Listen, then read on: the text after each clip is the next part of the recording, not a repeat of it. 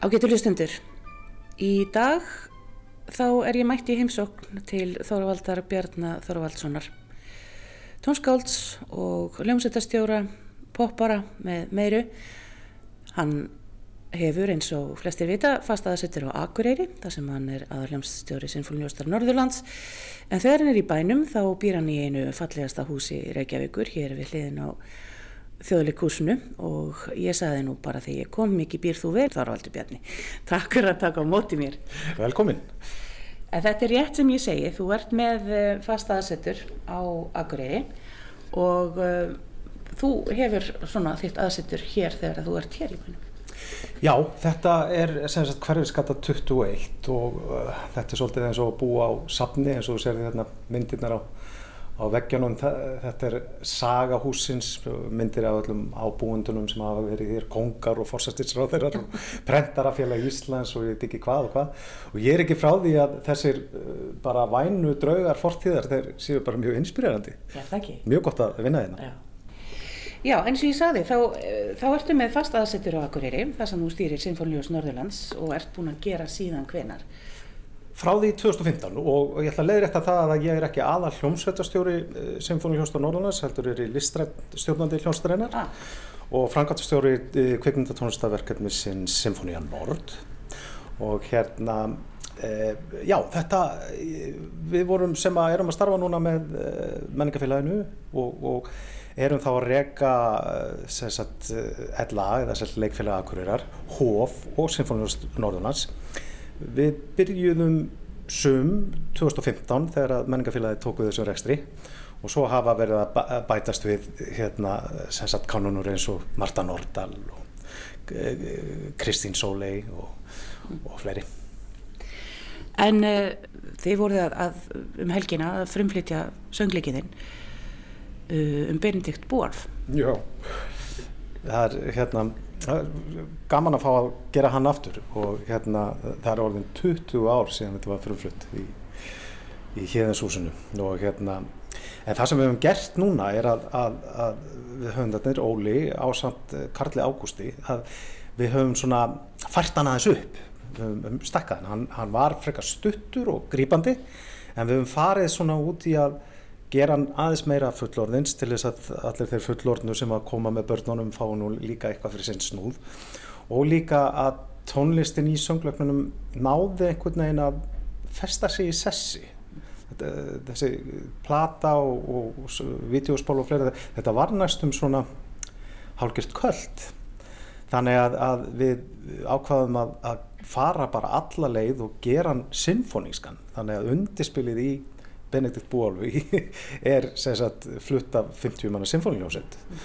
og þá náttúrulega bættu við við lögum og Karl Ágúr samt í fleiri texta og þannig að nú er þetta alveg bara svona eh, söngleikur og starð við það sem við vilja sína í, í, í vestend í raunni Og stefniði þanga? maður á alltaf láta sér dreyma og ég held að, að þessi menning álfa og þessi fallega sagansóla uh, sem sagt um álfana og það að við Íslendingar trúum flest á álfa getur verið mjög svona sterk kveika hjá, hjá þeim sem eru í business til dæmis í London mm. Og nú er nú Vil Ferrell búin að kynnta svolítið undir, undir þá trú, ef ekki satt með, með sínum álfum í, í sem fórum aðeins hamförum hann í í Eurovision myndinans? Já, klárlega rosalega landkynning ja. Ekki nóg með það að, að Alli Örvarsson fengið uh, grammi tilnefningu í, í kringum sapplötuna sem var þarna úr, úr myndinni. Og lag úr kvikmyndinu sem er reyndar eftir annan höfund uh, fekk líka tilnefningu. Og uh, þetta allt saman hvernig hann hefur sagt frá sem vil ferrel og að tónlistunum er tekinu upp á það, þetta, þetta er good for business. Já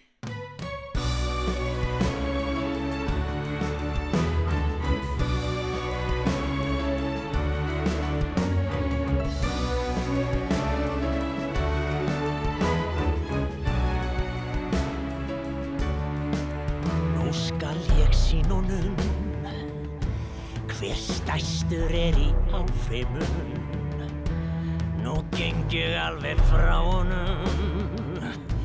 Þetta þýðir stríð, já stríð, ég sagði stríð. Færið mér herrklæði Það er runnið á mig brjálaði Nú dökk álvana líffræði. Og við förum í stríð, já stríð, ég sagði stríð Já nú kem ég þú sölvar súra grei Ég fengi þeim nóg, þú vesala hló. Ekkert fær mig stöða nú, korki þernju þú Alveg óþólandi Allt er í þeim morandi. Og engum lengur tristandi Þetta þýðir stríð Já stríð, ég sagði stríð. Já nú kem ég þú sölvar súra grei Ég fengi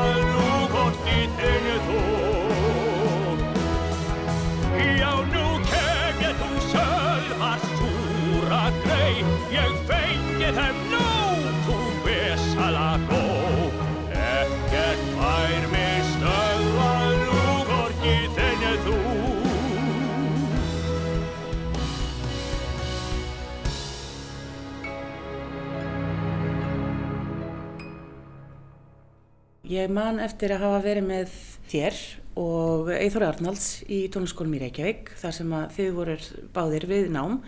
Uh, Eithor á cello, þú á gítar og svo voru þið báðir í tónfræðadeildinni. Já, við ra- ra- raunverulega báðir vorum búin að ljúka okkar hljóðfórunámi, taka okkar einleikara próf og, og svo leiðis og e, vorum þarna að koma með tónskaldadelluna og hérna ég byrjaði nú reyndar að fyrr í þessu áður en að e, tónfræðadeildin var rauninni stopnuð og var hleyft inn, minnum ég þegar ég var 18 ára. Og, var þá bara hjá alla heimi. Og þannig ég fekk eitt eða tvö svona prí ári í tónsmiðunum áður en að, að síðan allir hinni komu og, og, og við sagt, fengum að taka í þátt í þessu svona frumkvöla starfi í, í hvað maður að segja e, háskólanámi í, í tónlist. Hér og í tónsmiðum Hvernig uh, áttu þið allir skap saman? Hann var alveg stórkoslegur og hérna hann var líka, hann var áhuga samur um hérna e, það sem hann var að gerast í, í pönginu og þar kom Eithor allar sterkur inn úr, úr, úr hérna Tapatígras og síðan eh, fekk hann áhuga á tölvum í kringum það að, að við Eithor vorum öruglega með þeim fyrstu sem að voru að nota sko nótnaskrifta forrit sem að, eh, til að skrifa út nótur fyrir til dæmis þau symfónisku verk sem við vorum að vinna þar sem að var nú reynda alltaf fyndið að því að prentarrættin voru þannig að þetta voru svona rúllur og þetta kom út og þurftir að rífa þetta í sundur. Og, svo, ég- þá og svona græn og hvítu pappir. Já, jú, jú, og við náttúrulega töldum að þetta væri svo miklu betra fyrir hljóðfæralegrina því að nóturnar eru svo beinar og fínar og allt svo leis en þá var ennþá svona þá var fókusin ekki drosalg þetta voru svo puntaprentarar þannig að, allir sem fengu þessa nótur þeim fannst eins og þau voru átni narsýnir. Þeir var svona þoka yfir þessu. En svo breytist þetta fljótlega og, og er núna náttúrulega bara standard. Þú, þú getur ekki skilað sérst handskriðum nótum til hljóðfæralegra eins og til þeim Sifrljóðast Íslands eða Sifrljóðast Norrlands það er krafa að það sé, til sér skilað prentuð. Hann var náttúrulega forvitin um allt, þannig allir og staðnaði aldrei.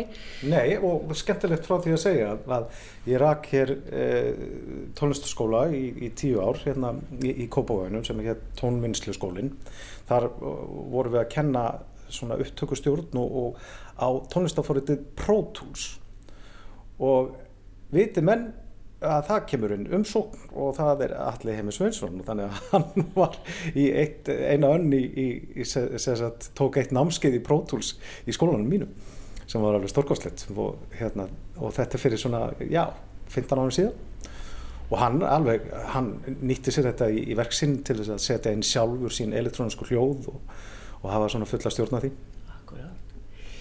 En svo gerist það þannig að þegar þið eruð að útskrifast að þá hérna sláið þið í gegn, þú og Eithor, í hljómsdunni hver uh, tótmóbíl.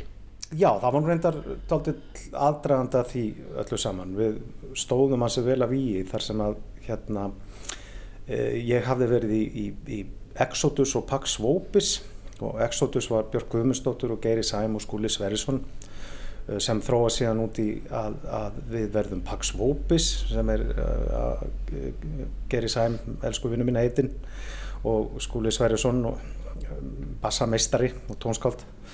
Og hérna uh, það fer síðan út í það að, að, að hann Geiri fær sól og samning hjá skífunni.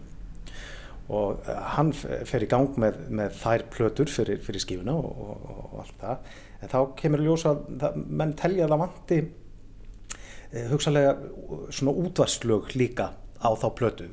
Geiri var hans pæltur í sinni tónlist og hún var oft ekkert svo einföld. Og þar sagt var ég aldrei heppin að ég var búinn að vera að, þrefa mig áfram með lagasmíðar svona, svona hvað maður að segja eh, svona dægurlög þetta dægulega form og hafði þetta aldrei áhuga á að skoða þessar formúlu sem voru búin að vera í gangi síðustu áratugju og fleira. Þannig að ég átti svolítið safna lögum sem að hann leitaði í. Og uh, uh, þau lög sem að ég let hann hafa slógu svona hressileg gegn. Það var hérna Fróðan og, og, og þessi lög. Ósýnilega geðja Ég vil kynnast þér líkama og sá Ég fundi þóra veðja að þú mun dyrka mig og ég mun kveikja hjarta bá. Agarísans er aðeins bobbíl og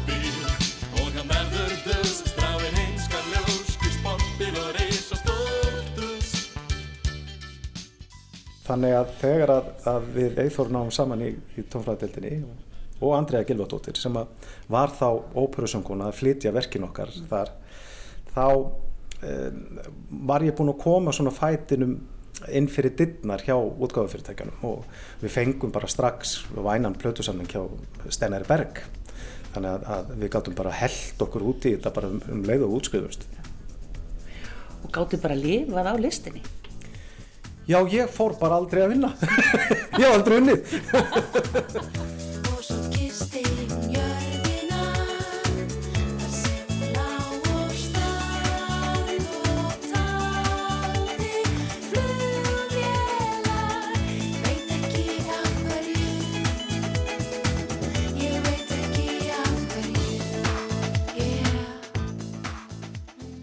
Já, þetta var þetta mjög hefnilegt. Þetta var akkurat svona á tímamótum, maður er þarna um tvítugt og, og sem sagt eh, margir sem sagt verða óöryggir og, og ákveða að fara í, í nám í öðru heldur en sko tónlistinni eða listinni til að, að, að vera öryggir um sagt afkomu og en þar sem að við, við komumst strax í að gefa út og vinna í hljóðverinu þá, þá gáttu við bara tilhengað allan tíma okkar í þetta og, og Eithor starfaði við þetta örugglega í, í 15 ár og eh, ég hef bara starfað við tónlist síðan. Og þú fóst uh, eitthvað aðeins í framhalsnám í tónsmiðum líka til Breitlands. Já, tónfræðadeildin var í raun framhaldsnám en ég fór samhliða þessu til Sörðu í England, Englandi hjá tónskáldi og kvikmyndatónskáldi sem heitir Malcolm Singer og það var, það var mjög gefandi reynsla og kveikti svona áhuga minn á sjónvás og, og kvikmyndatónlist. Og þar komum við kannski núna að verkefninu sem að er fyrir norðan, eða ég veit það ekki alveg, hvernig, hvernig kom það til að, að þú, þú ferð þarna norður og, og tekur að þér svona umsýslu? Og að því þú segist ekki vera aðalhljómsættastjóri, Er hljómsveitin þá ekki mennin aðal hljómsveit? Nei, þetta er verkefna miðurhljómsveit og við störfum með, sagt, við raunverulega lítum á að hafa eh, breiðan eh, lista af, af, af eh, hljómsveitstjórum eh, hjálpi okkur vegna þess að við lærum að hverjum hljómsveitstjóra töluvert mikið og eh, starfsemin okkar hefur verið það ábyrjandi að við erum, höfum haft aðgang að mjög stórum nöfnum og, og sterkum hljómsveitstjórum sem að hafa aukið gæði hljómsveitar, ekki spurning. Hún var náttúrulega, hún var stopnuð, uh, var ekki gaf Guðmdróli Gunnarsson sem að svona stóða á stopnun hljómsdarinnar. Hvað er hún hann gömul? Hann kannski stóð ekki, það, það, það er um löng saga þarna á undan. Já. Það er, það er Kammer hljómsveit Akureyrar sem er forverinn og það er Jón Hlöðver sem var þarna allt í öllu og, og, og, og fleiri eh, góðir menn sem að, mm, komu að stopnum Sinfóniast Norðurlands með því að, að náttúrulega að, eh, hvað var ég að segja, að næstum hanga upp í ráðuneyti og benda á hvað þetta verið mikilvægt fyrir menningarlífið á landsbyðinni svo- sem það svo sannarlega er. Og eh, Guðmundur Óli var sagt svona aðal hljónstustjóru hljónstunarir og hann stjórnaði henni í 23 ár. Og hljómsveitin uh, gerði marga stóra og magnaða hluti á þessum tíma og, og ógs mikið frá því að þetta breyttist í symfóníu hljómsveit Norðurlands og kammersveit Akureyrar. Og það var svona stigmagnandi vöxtur alveg fram að uh, stopnun menningafélags Akureyrar. Og það gerist þarna 2015 15. og þá kemur þú til skjálfana. Þá eh, kem ég til skjáluna, þar sem að þá breyttist allur rekstur, þar sem að, að, að þessi, um, þessi menningafjölug sem er þá uh, hérna leikfélag Akureyrar, menningafélagið Hof og menningahúsið Hof og Sinfóniuljónsveit Norrlands fara undir einn hatt sem er menningafélagið. sem er náttúrulega mjög sniðugt í staðan fyrir að vera að reka fullt af fyrirtækjum, menningafyrirtækjum einhvern veginn í sitt og hvað. Þetta hefur allavega virkað fyrir Sinfóniuljónsveit Norðurlands afar vel. Við, við komumst uh, á flug bara strax á, á fyrsta ári og náðum að, að, að snarauka tíðni verkefni hljónsveitarinnar en líka með því að fara strax í að bjóða þessar þjónus, þessar symfónísku þjónustur umverulega varðandi afþreyingar, alþjóðlega afþreyingar eðinaðinn. Það gerði að verkum að, að í staðin fyrir að, að, að það væru kannski kannski fjögur til átta verkefni á ári þá, þá uh, svona fyrir COVID þá voru þetta komin upp í hátti 30 verkefni á ári sem að náttúrulega gerbreytir öllu og í rauninni segis að það sem er svo jákvætt fyrir þetta fyrir, fyrir bæði svæðið fyrir norðan og bara Ísland er að þessi verkefni, þessi uh, kvikmyndatónlistaverkefni, þetta er allt nýr gjaldirir, þetta eru nýjir peningar sem að sem sagt, voru ekki til áður í landinu. Þannig að þetta er svo, þetta er svo mikil innspýting og í raunverulega atvinnu skapandi og verðmætta skapandi Já, sem nýjir peningar sem koma inn í landið og verða eftir. Já og, og fara til sko afar sérmentaðara eh, hæfileikaríkra listamanna og tæknifólks, ekki síst tæknifólks líka. Hér er það er komið 5-6 manna teim í hofi sem eru orðinni bara sérfræðingar í upptöku og framleiðslu á, á kvikmyndatónlist sem er alveg stórkostlegt. En þú og Alli Örvarsson, þið settist niður og svona, svona spáðu á speglur í hvernig þið gætuð farið að þessu, ekki satt, svona þegar í, í byrjun á þessu verkefni. Jú, þetta var alveg ótrúlega skemmtileg eh, tilviljun. Við allir erum búin að þekkjast síðan vorum sko strákar og hérna eh, hann var meiri segi í tótmóbíl á, tímbili og, og hérna við þekktust í gegnum bróður hans Karl Örvarsson sem við brótuseraði plötu fyrir og með Eh, og hérna sem sagt eh, á nákvæmlega sama tímapunkti og ég er að flytja norður flytur hann frá LA þar sem hann er búin að eiga mjög farsalan feril akkurat í kvikmyndatónlist í áratví og hérna eh, við setjumstu við bjór á, á, á hérna bístrónu í hofi og, og förum að ræða bara svona hvað við erum að gera og bralla og kemur bara í ljós að við vorum báðið búin að labba þarna inn í hofu og, og hugsa með okkur, vá það er eins og þetta hafi verið hannað fyrir, fyrir, til að vera risa hljóðver fyrir symfóníska tónlist. Og við byggðum ekki bóðuna það er bara strax í mars þetta ár, þetta var um jólin þá uh, voru fyrstu verkefnin. Þá hérna, tókum við upp uh, undirspil fyrir hérna, Disney verkefnum Gretu Salome sem er koncertmestari hljómsdreinar og uh, leikum inn á, á Hollywood kveikmynd sem að allir var að senda tónlist við sem að varð uh, söluhæsta myndin í, í bandarækjunum um haustið þetta sama ár. Þannig að, að það var svona með því að kýla bara á þetta verið ekkert að, að, að hafa ágjur að því hvort það vandaði eitthvað eða eitthvað svo leiðist treysta á hljómsveitina. Við vorum búin að heyri hljómsveitinni við vorum búin að, að sagt, gera tónleika með hljómsveitinni. Totmobil hafði komið og, og ég með hérna, gítarleikaran úr Genesis og við höfum haldið tónleika þarna um áramótin bæði í, í hörpu og hofi. Og það sannaði fyrir okkur að hljómsveitin væri á, í þeim gæðastandard að það væri hægt að ráðast í þetta. Og það að, að þessi kvikmynd sem að allir samt í tónlistana við nær þessum árangri gerði það verkum við vorum komið nafnspjald. Því að e, þegar að við fórum að, að leita styrkja til þess að láta vita af okkur og, og fleira þá vissum við hvað við þyrftum að sína til þess að, að áhugin myndi vakna og hann svo sannlega gerði það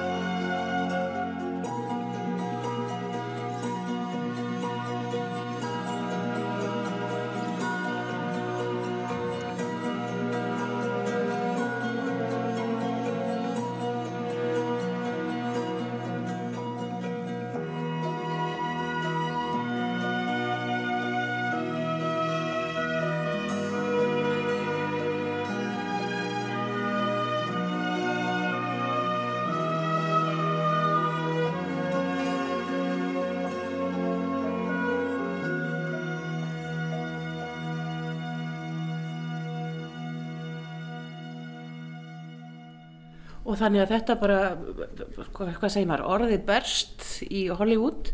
Og hvað haldið þið sé búin að taka mörg skor Soundtrack? já, er já, afsakið slettina, það hlýtur að vera til eitthvað íslenskt orð en hvað haldið þið sé búin að vinna fyrir marga bíómyndir?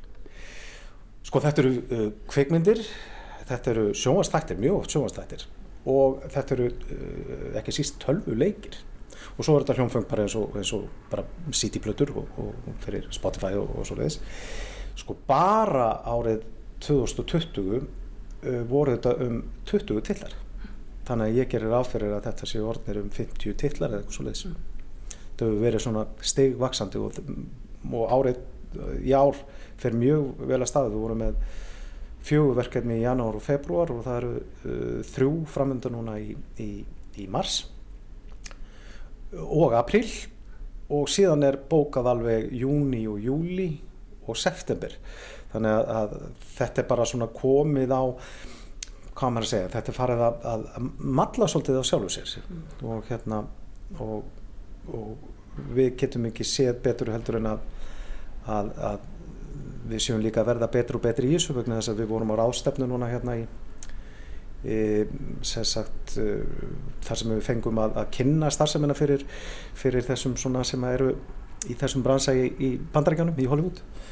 Að þar var með okkur uh, upptökustjórun Stephen McLaughlin sem hefur starfað tölvert með okkur og hann var að tjá sögum þetta og hann sagði frá því að að, að hann hefði farið að hlæja þegar við allir töluðum um að okkur langaði til þess að fara í samkeppni við Abbey Road hljómsveitina sem að hérna hann starfar mest með. Og hann, eins og ég segi, hann hló upp í óbyggiða okkur en svo segir hann þarna á ráðstefninu að en mér langar að segja ykkur það að, að hérna uh, allir Þorvaldur, you did it. Ég fæ alveg jafn góðan árangur með Sinfonius Norðunars og ég fæ í Abbey Road. Þannig að við þessi tíðni verkefna og þessi svona, hvað ég var að segja bara stefn okkur að bara alltaf halda áfram og upp á við uh, hefur skiljað sér í, í betri gæðum hjá okkur Skiptist þið þá á að stjórna sveitinni eða eru að koma hljómsstjóra með?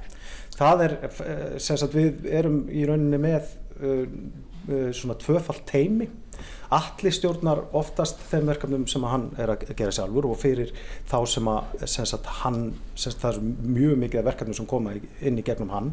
Svo er Bjarni Fríman sem að, náttúrulega vinnur mikið með Sinfoniust Íslands, hann er algjör sérfræðingur í svona upptökum eh, sem sagt í hljóðveri og er náttúrulega sérfræðingur sem frábær hljóðsættustjóri. Hann, hann er síðan til tags e, í önnu verkefni og, og hefur gert öruglega með okkur 10-15 tilla sko. Mm.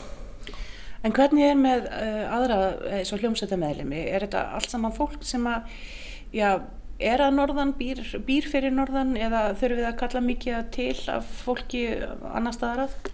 Þetta verkefni er umröðan nær til landsins alls af því að Symfóniljónsveit eðlega kallar á, á hansi marga og hérna, þetta er mjög oft 40-50 manns sem að þurfa að koma en á Akureyri eru kannski um 15-20 statfunu hljóðfærarleikarar en þeir eru ekkert endilega allir strengjaleikarar eh, það er, og það er oftast beðum strengjasveitir mm. og þá þurfum við mjög ofta að kalla til eh, fólk frá Reykjavík og eh, Östurðum og Vesturlandi og stundum meiri segja Ellends frá. Og hérna og en við erum með samning við 50 manna kjarnar og alveg 80 manns sem auxiliaries. Þannig að við erum nokkuð örug með að geta mannað. Við höfum eiginlega aldrei lengt í því að geta ekki mannað verkefni mm. og þetta er náttúrulega mjög mikið alltaf sami hópurinn og uh, allir sem búa fyrir norðan taka þátt í næstum öllum verkefnunum þannig að, að þetta gerir það verkum og hljómsveitir að spila svo miklu oftar saman en hún myndi gera ef við heldum aðeins tónleika mm. og nú er þetta náttúrulega búið að vera svolítið sérstakt að, að, að 2020 kom kannski hljónsveitin og þá sérstaklega strengasveitin miklu oftar saman heldur en venjulega en það voru engi tónleikar þannig að það verður mjög spennandi að sjá hvað gerist núna loksist þegar allt þegar allt opnar hvað, hvað, hvað þetta á eftir að verða mikil sprengja þegar það eru bæði upptökur og tónleikar samtímis. Það, það ég hef trú á því að, að uh, öruglega 10-15 manns munum bara ákveða að búa fyrir norðan til þess að vera bara nálagt starfseminni og, og þú veist, kenna í tónlistskólunum og leika á tónlengum eh, Sinfoníusta Norðurlands og taka þátt í verkefnunum Sinfoníu Nord. Það er bara full starf.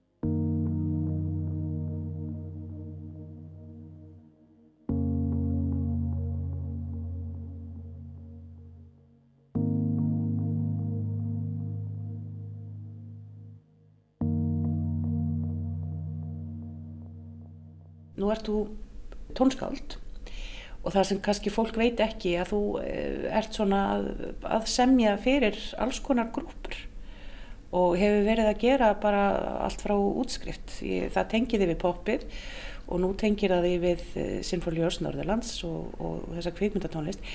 Um, hvernig ertu svona bara dagstæðlega, ertu alltaf að semja bara eitthvað í, í höfðinu eins og maður segir?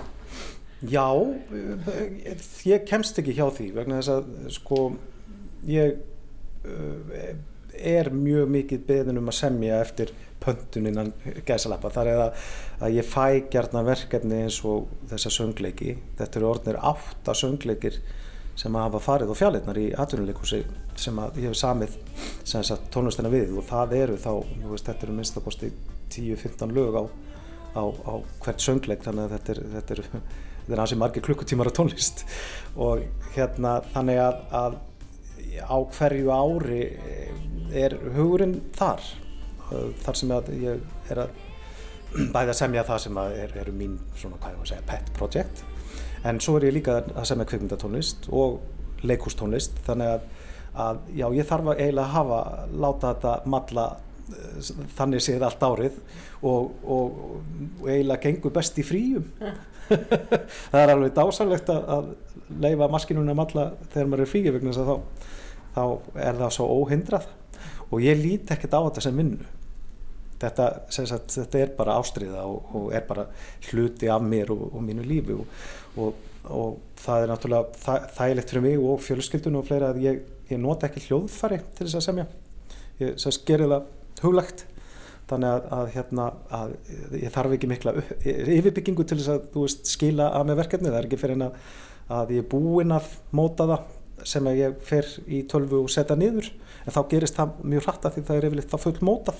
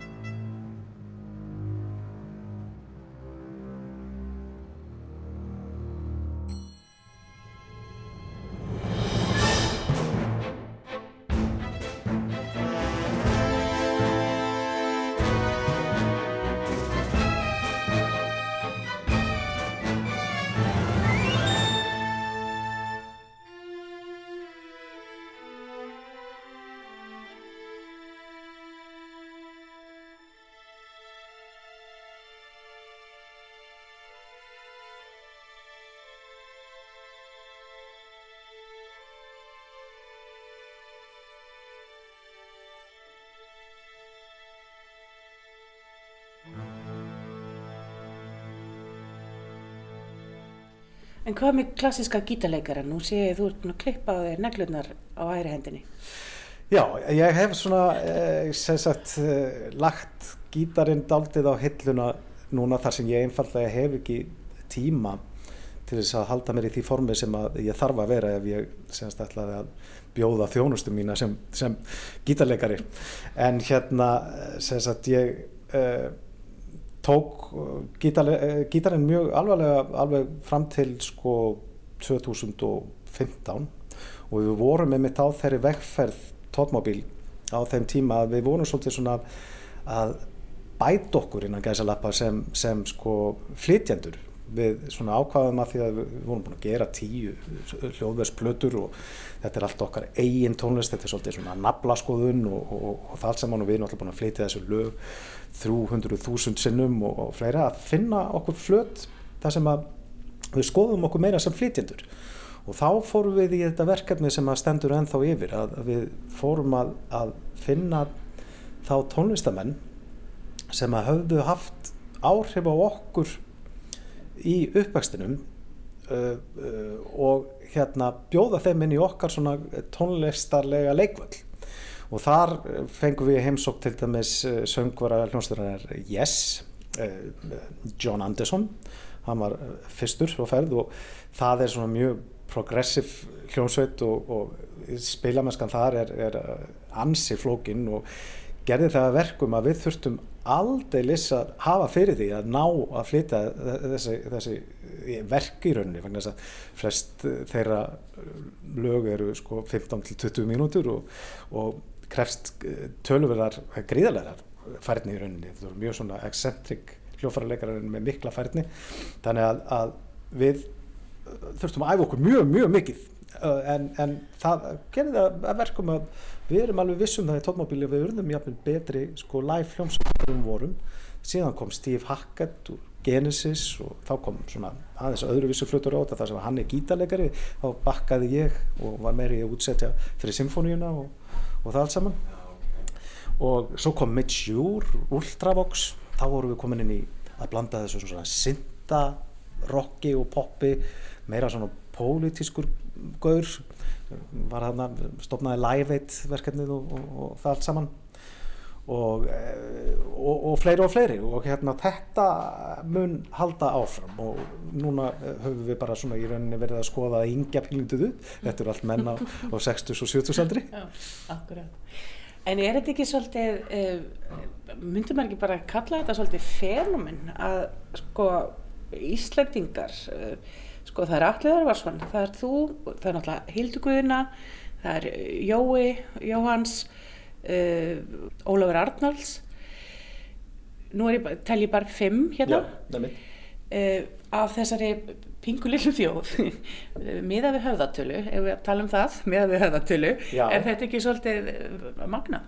Jú, þó það var ekki höfðatala þetta er, þetta er alveg, þetta er í rauninni alveg uh, sko alveg stórkoslegt og kannski má alltaf reyka þetta pínlítið til bjarkar. Það er þessi áhuga á landinu og þessari sérstöðu sem Ísland hefur þessi sérstaða í tónlistinni það er alveg til íslenski hljómurinn. Og hérna sem að, að, að, að Jóhann G. Jóhannsson og, og, og Ólafur Arnalds hafa verið duglegir að, svona raunverulega koma á laggirnar. Og mjög mikið af okkar eh, kunnum er að koma út af því að þeim, þeir hafa heyrt að það er einhver hljómur hér á Íslandi bæði hjá tónskaldunum og svo hjá hljómsveitinni sem, að, sem er eitthvað sér íslenskt. Getur þú útskýrt það betur? Það er náttúrulega hér eh, hef, alveg frá punktímbilinu var alveg svona grasserandi sena af rocktónlist og, og dagutónlist sem var ekkert endilega svo kommersial miðuð þannig að hún, hún fekk sinn eigin hljóm og sem að mér finnst þeim eitt sko svona hérna eh, svona kannski kristallast í tónlist Bjarkar. En auðvitað var þetta miklu víðar af Vorberg ef það voru ekki allar hljómsveitir sem að náði eh, heimsfræð og svo er þetta náttúrulega sigur og slíka, það er í raunverulega mjög kvikmynda tónlistarleg tónlist hjá þeim og enda hefur verið nýtt í, í, í alls konar eh, slíku tengt. Þannig að, að, að, að það, það er einhver sérstaða við hvernig það, við höfum geta verið í, svolítið í okkar eigin búblu sem að veku síðan aðtegli erlendis frá. Við höfum ekki sótt öll áhrifin til útlanda heldur hefur þetta skapast í suðu pottunum Reykjavík og raunverulega Ísland. En ekki hætta að fólk fái leið á þessu? Að það sé eitthvað svona búbla? Já, það virðist ekki vera. Þetta, sko, náttúrulega þessi gríðarlega aðtekli sem að Ísland fekk líka bara sem ferðamannastaður hefur styrt þetta líka þar sem að bara svo miklu fleiri vita hvað og hvar Ísland er. Og síðan þegar þau verða vitna þessari senu þá eru þeir sem að uh, hafa áhuga á slíku og þörf á, á svona efni, sérstöku efni inn í, inn í það medju sem þeir stýra. Það, það náttúrulega, það hjálpar Og svo náttúrulega að Hildur fái all þessi brjálaðislega flottu velun það lítur náttúrulega að vera svolítið búst fyrir ykkur. Það er algjörlega stórkostlegt.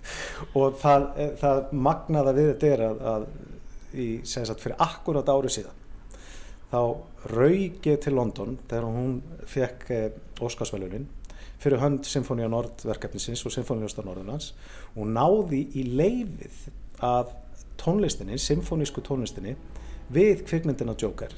Til að flytja sagt, þessa Óskarsvæluna tónlist live við kvikmyndina í hörpu. Og hérna þetta átti bara að vera þarna strax í, í april og þetta var í, í februar og við settum þetta í sölu og hérna sagt, aug, byrjuðum að auglýsa og, og það búið lungu búið að manna hljómsveitina og, og allt tilbúið og fadir hennar, Guðunni Fransson ætlar að stjórna sem er alveg stórkostlegt. Og svo erum við búin að sko hætta við og starta aftur og hætta við og starta aftur og með náttúrulega uh, rosalegum því miður daldið tapi á, á, á peningum því miður að því að það er dýrt að markasetja en þess vegna er svo stórkostlegt að þetta bæti síðan bara við Grammy-verlun þannig að við getum ekki beðið eftir að halda þessa tónleika sem er það 10. oktober í Hörpu og bara njóta áastan og he heyra þetta lifandi við þessa kvikmynd og sjá föður hennar stjórna þessu. Þetta er alltaf bara tilfinninga þrungið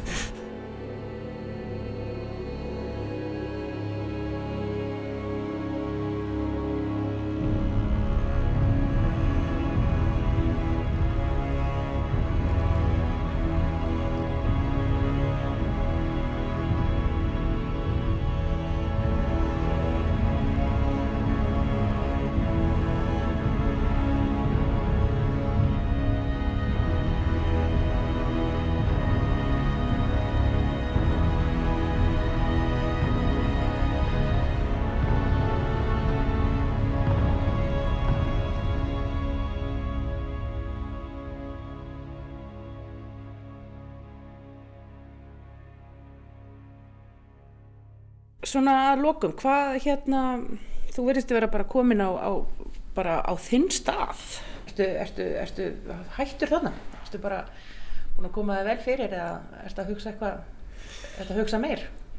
Já, ég myndi nú segja, sko, ég er nú svona frekar á nýjum stað, þannig séð, að því ég venjulega hef verið að sem sagt, sem sagt, starfa við mínar plötur og takað með plötur annara og, og útsetja symfóniljóst fyrir aðra og sjálfa mig og, og, og annað. En núna er ég náttúrulega meira í, í, í business líka sem er í, kringum þetta og líka þessum, þessari menningarpólitík og í þessum menningarmálum. Það því ég er náttúrulega listrætt stjóri symfóniljónstar Norrlands, þá er ég líka bara í mannaráðningum og að, að búa til dagskrána fyrir dagskrar árin, þú veist, árið eða tvö fram í tíma, nú er það náttúrulega allt í uppnámi, þannig að, að hérna, en það gefur líka ný tækifæri, það hefur margt gerst á þessu skrítna ári sem að hefur uh, gefið okkur ný tækifæri, eins og til dæmis stjókar og hérna, þannig að, að ég lít bara björtum augum á framtíðina og hef hugsað mér að halda áfram aðeins á þessari braut, þar sem að sko Sinfoni á Nordverkefni og Sinfoni á Norrlands eru í rauninni akkurat núna á þeim stað sem við sáum fyrir 2015 þá langar mig til þess að sjá þetta fara skrefinu lengra og að sagt, ríki og bær veiti Sinfoni á Norrlands sagt, þann kraft að geta stíð yfir þröskuldin að vera atvinnu hljómsveit í flutningi á klassískri sinfonísku uh, uh, tónlist þar sem eru að minnstakosti einir uh, symfóníu tónleikar á mánuði. Og það er alveg klárlega eftirspurn eftir því hjá uh, áhærendur hljóstarinnar vegna þess að það er næstum alltaf uppselt á tónleika hljóstarinnar hvort sem það er barokk eða þungarokk. Og uh, það er gríðarleg eftirspurn eftir að taka þátt í verkefnanum við, við hófum að byrjuðum að vera með pröfuspil og auglýsa eftir verktökum í hljónstina fyrir þreymar eða fjórum árum síðan og þá voru hundrað atvinnuljófarleikar sem sótt um þannig að það er greinilega uh, fullt af öflugum uh, hæfileikaríkum hljófarleikarum sem að eru að leita að sem sagt förstu starfi við að flytja klassisk tónlist og eða symfóniska tónlist En tónmóbíl, fáum við eitthvað meira með henni? Já, við sem sagt ætluðum að hefja að leika núna aftur í oktober en það er nokkuð ljóst að, að, að sagt, það verkefni út af COVID í London þar sem að það átt að vera Tony Hadley úr Spandu Ballet með okkur ásamt Sinfónius Norlands þá mun það ekki geta gengið saman með öðrum stórum verkefnum eins og, eins og uh, Andrea Bocelli sem við munum taka þátt í og fleira. Þannig að það mun færast til semst, endur koma tónmóbíl færast til 22 Takk fyrir spjallið Þorvaldur Bjarni Þorvaldsson og bara gangir vel með þetta allt saman fyrir norðan og víðar. Kæra þakkir Við ykkur, kæri hlustendur, segi ég takk fyrir samfélgin í dag, þanga til næst hafið það sem allra best. Ljúkum þessu í dag á einu góðu lagi með Dodmabíl og Steve Hackett. Hér er það Midnight Sun.